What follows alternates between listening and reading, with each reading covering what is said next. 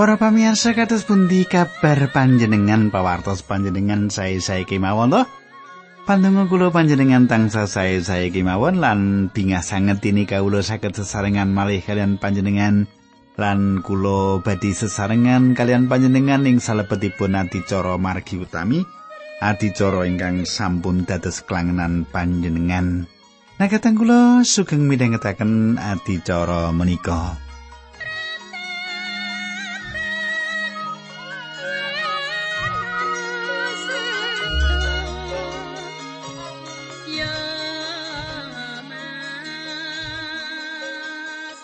Para pamirsa, tentunipun panjenengan tasih kemutan menapa ingkang kula aturaken ing pepanggihan kepengker. Saya menawi kula aturaken panjenengan malih sekedhik minangka raringkesanipun. Ing pepanggihan kita kepengker kita sampun nyemak peladosanipun Paulus ing Korintus kathah tiyang ingkang pitados wonten ing mriku. Nah, salajengipun kita badhe nyemak kayektosan ingkang dipun pratelakaken ing kitab Para Rasul menika. Nanging saderengipun dipun lajengaken monggo kita ndedonga langkung rumiyin. Duh Kanjeng Rama ingkang adhedhampar wonten kraton ing kasuwargan kawula ngaturaken gunging panuwun menawi wekdal menika kawula saged tetunggilan kalian sedherek-sedherek kawula ingkang setya tuhu midhangetaken adicara menika. Menawi wonten ingkang sakit tuh Gusti kawula nyuwun supados paduka sarasaken menawi wonten ingkang ribet ing gesangipun supados paduka udari. Dinambaran asmanipun Gusti Yesus Kristus kawula netunggal haleluya. Amin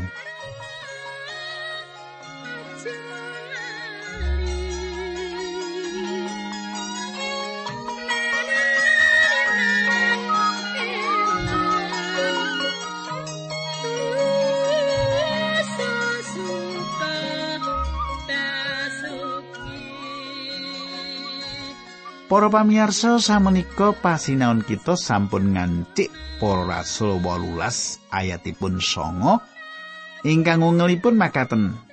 Ing sawijining bengi Gusti Allah ngendika marang Rasul Paulus sajroning wahyu mengkini aja wedi terus nonggon ngabarake Injil lan aja leren. Ayat 11 sebab aku nunggal karo kowe ora ana wong sing bakal nganiaya kowe sebab ing kutha kene akeh wong sing dadi umatku para pamirsa.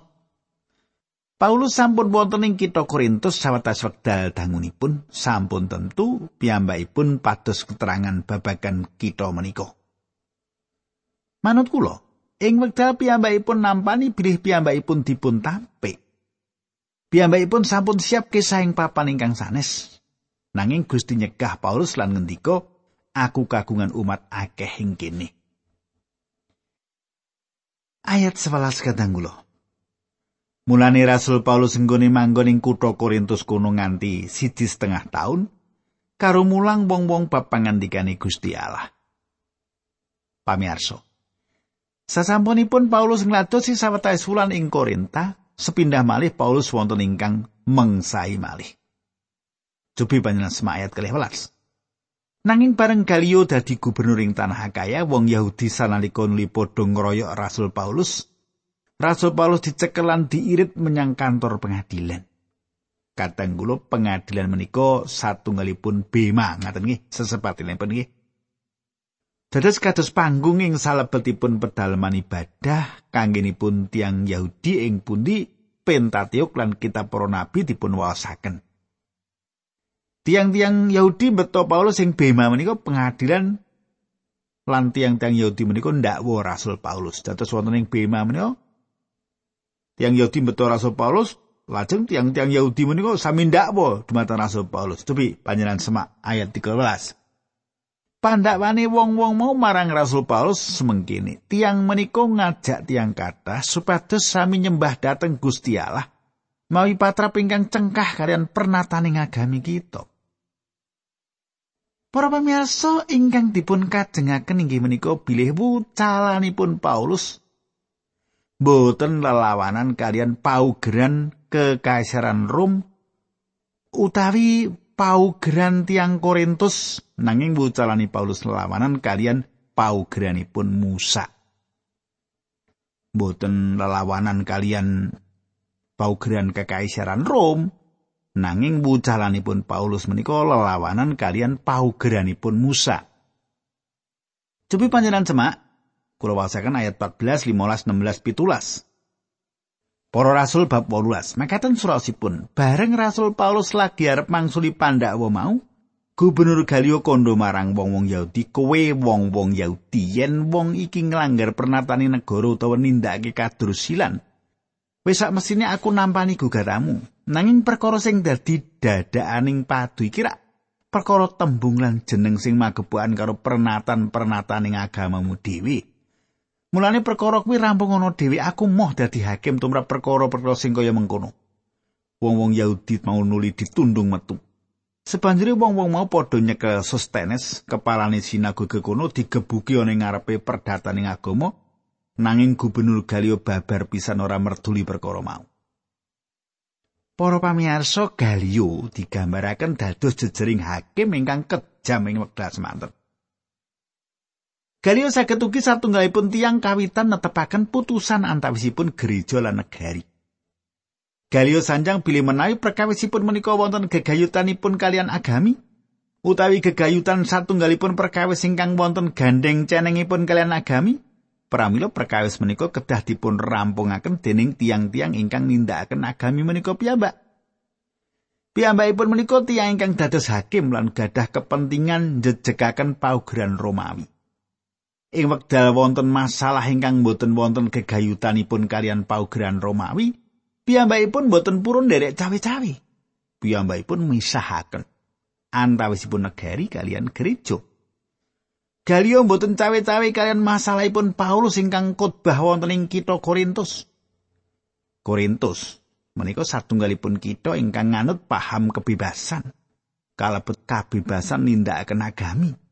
Awit masalahipun wonten gegayutanipun kalian agami pramila Galio nyuwun supados dipun rampungaken piyambak gegayutan kalian masalah kalau wau. Iku masalah agama rasa diurus. Ngoten nggih Mbak menawi Galio katut makaten menika. Ayat 18 nggih. Rasul Paulus isih sawetara dina meneh ana ing kutha Korintus kono nginep ing panggonane para sedulur Kristen. Sawise kuwi Rasul Paulus nuli lunga saka kono nunggang prau karo Priscilla lan Aquila menyang Syria.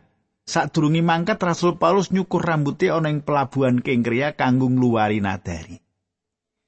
Kadang kula wonten kathah tiang manggihaken Paulus nindakaken kalepatan awit piyambakipun gadah nadar. Tiang-tiang menika sanjang Paulus menika ngutbahaken bilih kita mboten ke bawah paugeran Torat. Nanging ka bawah sih rahmat. Lan kalimakaten piyambakipun mboten kedahipun gadah nadar. Nanging manut kula kabawah sih rahmat menawi panjenengan ngersakaken gadah nadar, panjenengan saged kemawon nindakaken nadar menika.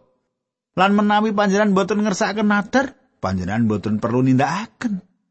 Menawi Paulus gadah kekajengan nadar menika urusanipun piyambak. Nadar te mboten menika satunggalipun kebebasan ingkang ngedapi-dapi ingkang kita gadah wekdal menika ing salebetipun sih rahmatipun Gusti Allah. Gitu? Karena nadar ora ya terserah gitu. Wong gesang kita mereka wonten ing rahmat. Wong Kristen nadaran ya ora apa-apa gitu. Ora nadaran ya ora salah gitu. Lah kok ngono diurus gitu. Nekat kula. Kegayutan kita inggih menika kalian Gusti Yesus Kristus lan kegayutan menika satunggalipun kegayutan katresnan. Sesambungan kita menika kalian Gusti Yesus lan sesambetan kita menika sesambetan katresnan. Menawi kita tresnani panjenenganipun, Sampun tentu kita mboten badhe nindakaken menapa kemawon ingkang saged ngrisak patunggilan kita kalian panjenenganipun. Menawi tiyang gadah kekajengan nedha daging, wonten kamartikan dahar.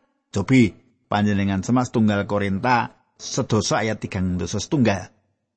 Bener nanging aja lali yen apa wae sing kok tindakake apa mangan apa ngombe apa wae sing kok lakoni kuwi kabeh lakonana kanggo kaluhurane Gusti Allah. Kadang kula ingkang penting piyambak inggih menika nindakaken sedaya demi kaluhuranipun Gusti Allah. Nedha daging utawi mboten mboten badhe pikantuk pujian saking Gusti Allah. Gitu. Ayat 19 satekaning kutha Efesus Rasul Paulus ninggal Priscilla lan Aquila banjur mlebu ing sinagoge lan tukar kawruh karo wong-wong Yahudi. Kadang kula panjenengan tasih kemutan ing wekdal Paulus badhe nglajengaken anggenipun lumampah ngelaraken Injil ingkang kaping kalih. Sang Roh mboten ngidinaken piyambakipun dhateng Efesus. Samenika ing salebetipun piyambakipun wangsul, piyambakipun mandek wonten ing Efesus, mampir ing Efesus nanging piyambakipun mboten dangu wonten ing mriku. Kulo lajengaken ayat kalih dosa ngantos likur. Wong-wong mau njaluk supaya Rasul Paulus nggone mampir rada suwe nanging ora kersa. Tembungi menawi Gusti Allah marangaken kula badhe wangsul mriki malih. Rasul Paulus nilunga saka ing kutha Efesus. Kadang kula, Paulus inggih menika tiang Yahudi kados dene Petrus. Piyambakipun ningali satunggal wewengan ingkang ageng tinar buka wonten ing Efesus. Piyambakipun gadah manah minangka utusan Injil lan piyambakipun gadah kekajengan wangsul malih dumateng tiang-tiang kala wau. Efesus menika satunggalipun kita-kita agenging kerajaan Rom. Samenika bab 18 saya 13 bareng wis tekan kutha Kaisaria. Rasul Paulus banjur nerusake lakune menyang kutha Yerusalem arep ngaturake salam marang pesamuan ing kono. Sawise kuwi banjur nerusake lakune menyang kutha Antioquia. katang kula Paulus mandhap ing Kaisaria. Salajengipun piyambakipun wangsul ngaler dhateng gereja pusatipun ingkang wonten ing Antioquia. Lampahipun menika mungkasi anggenipun lumampah ngelaraken Injil ingkang kaping kalih. Menika dipun tindakaken boten dangu. Saderengipun miwiti anggenipun lumampah ing salebetipun ngelaraken Injil ingkang kaping 3. Samenika bab 18 ayat 3 likur. Sawise sawetara lawas ana ing kutha Antioquia kuno, banjur lunga menyang tanah Galatia lan tanah Frigia. Perlu nyantosake imane wong wong pracaya sing ana ing kono. Kateng kula. Ingkang dipun pratelakaken menika inggih menika anggenipun lumampah Paulus sing salebetipun nggelaraken Injil ingkang kaping 3 anglebeti daerah Korintus. Kita badhe mangertos bilih Paulus badhe kisah dhateng Efesus ing salebetipun lumampah ngelaraken Injil ingkang kaping 3. Piyambakipun badhe nindakaken peladosan ingkang ageng ing mriku. Nanging ing wedal semanten wonten tiyang sanes ingkang sampun dumugi ing Efesus. Tiang menika inggih menika Apolos, juru khotbah ing jaman gereja ingkang kawitan. Piyambakipun boten misuwur kados dene Paulus nanging kita saged kata sinau kegayutan piyambakipun menika. Ayat 24 ana wong Yahudi kelahiran saka kutha Alexandria jenenge Apolos teka ing kutha Efesus. Apolos kuwi wong sing micara lan akeh kawruhe bab kitab suci. Kadang kula nami Apolos. Menika nedahaken bilih piyambakipun menika tiang Yunani. Dados piyambakipun menika saking bangsa Yunani, saking diaspora. Nanging piyambakipun boten dipun lairaken ing Yunani utawi ing daerah Makedonia. Piyambakipun dipun lairaken ing Alexandria. Alexandria dipun adekaken dening Iskandar Agung satunggalipun punjering kabudayan Yunani ingkang misuwur. Punjer utami saking gereja ingkang wiwitan pindah saking Yerusalem lan Antioquia dhateng Alexandria lan kita menika mangabad-abad wonten ing salebetipun sejarah gereja ingkang kawitan.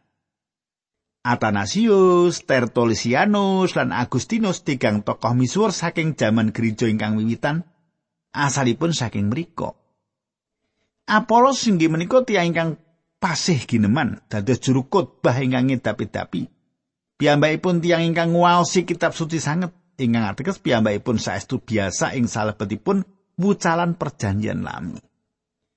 Ayat selangkung dheweke wis nampa piwulang bab dalaning pangeran. Mulane kelawan semangat lan gamblang mulangake bab Gusti Yesus senajan sing diweruhi mung lagi bab baptisane Yohanes Pembaptis.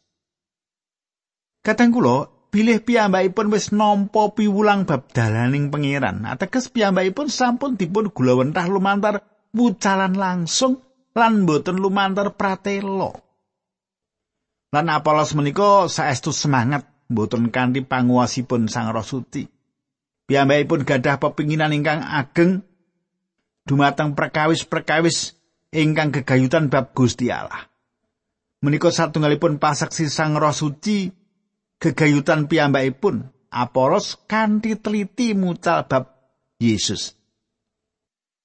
Piyambakipun mucal samukawis ingkang sampun dipun sinau nanging namung mangertos baptisan Yohanes. Piyambakipun dereng nate mireng bab Gusti Yesus.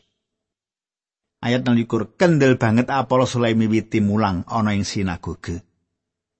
Bareng Priskila lan Aquila krungu piwulange, Apolos nuli diampirake menyang omahe wong loro mau supaya nerangake kelawan cetha bab saking piwulang Kristen.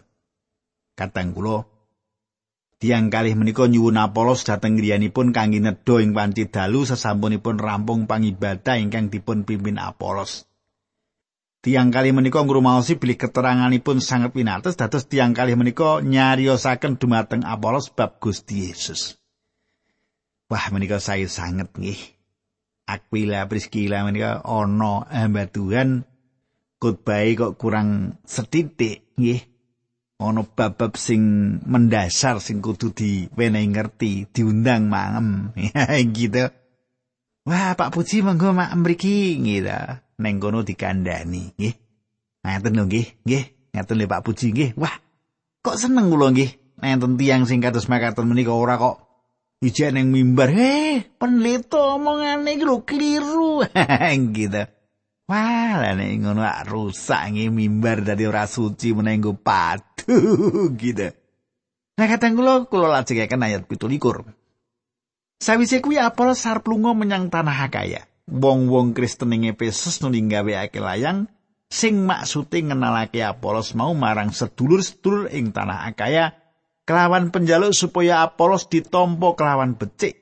Satekane ing tanah Akaya karana sih kamirane Gusti Allah Apolos mau dadi penginjil sing migunani banget tumrap wong-wong sing pracaya.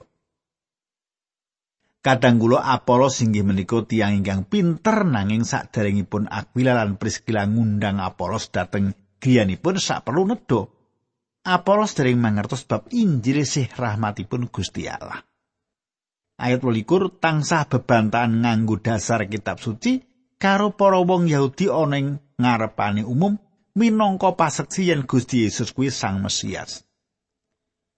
Kadang kula panjenengan gatosaken ukara tansah bebantahan karo wong-wong Yahudi ngatingalaken dumateng tiang-tiang Yahudi saking kitab suci bilih Gusti Yesus menika Sang Kristus. Apollo sampun memucal kanthi kebak semangat perkawis-perkawis saking perjanjian lami ngantos sing peladosanipun Yohanes Pembaptis. Aquila lan Priscilla gadah hak istimewa kangge nglantaraken wucalan ingkang pungkasan lan ugi nuntun Apolos dateng pamratobat.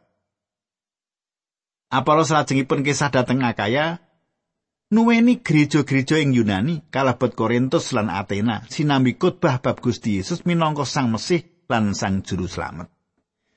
Samenika kita lumebet ing para rasul 19, nggih para rasul 19. Anggenipun gelaraken Injil Paulus ingkang kaping 3 anggenipun mlampah ingkang kaping 3 gelaraken Injil kawiwitan saking pasal saderengipun ing ayat 13 ing wekdal piyambakipun nilaraken Antioquia. Nah, samenika ayat setunggal bab 19 para rasul. Nalika Apolos isih ana ing kutha Korintus, Rasul Paulus njelajahi tanah-tanah sing adoh kutha nganti tekaning kutha Efesus ana ing kono Rasul Paulus kepethuk karo wong Kristen sawetara. Wong-wong Kristen mau ditakoni menapa panjenengan sampun sami nampi Roh Suci nalika dipun baptis.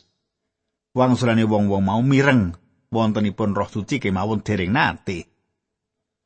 Kadang kula panjenengan tasih kemutan bilih Paulus sampun dumugi anglangkung Efesus Ing salebetipun lumampah malih saking glarakan Injil ingkang kaping kalih lan sanjang dumateng tiang-tiang bilih piyambakipun badhe dumugi malih dumateng tiang-tiang menika menawi Gusti Allah ngersakaken.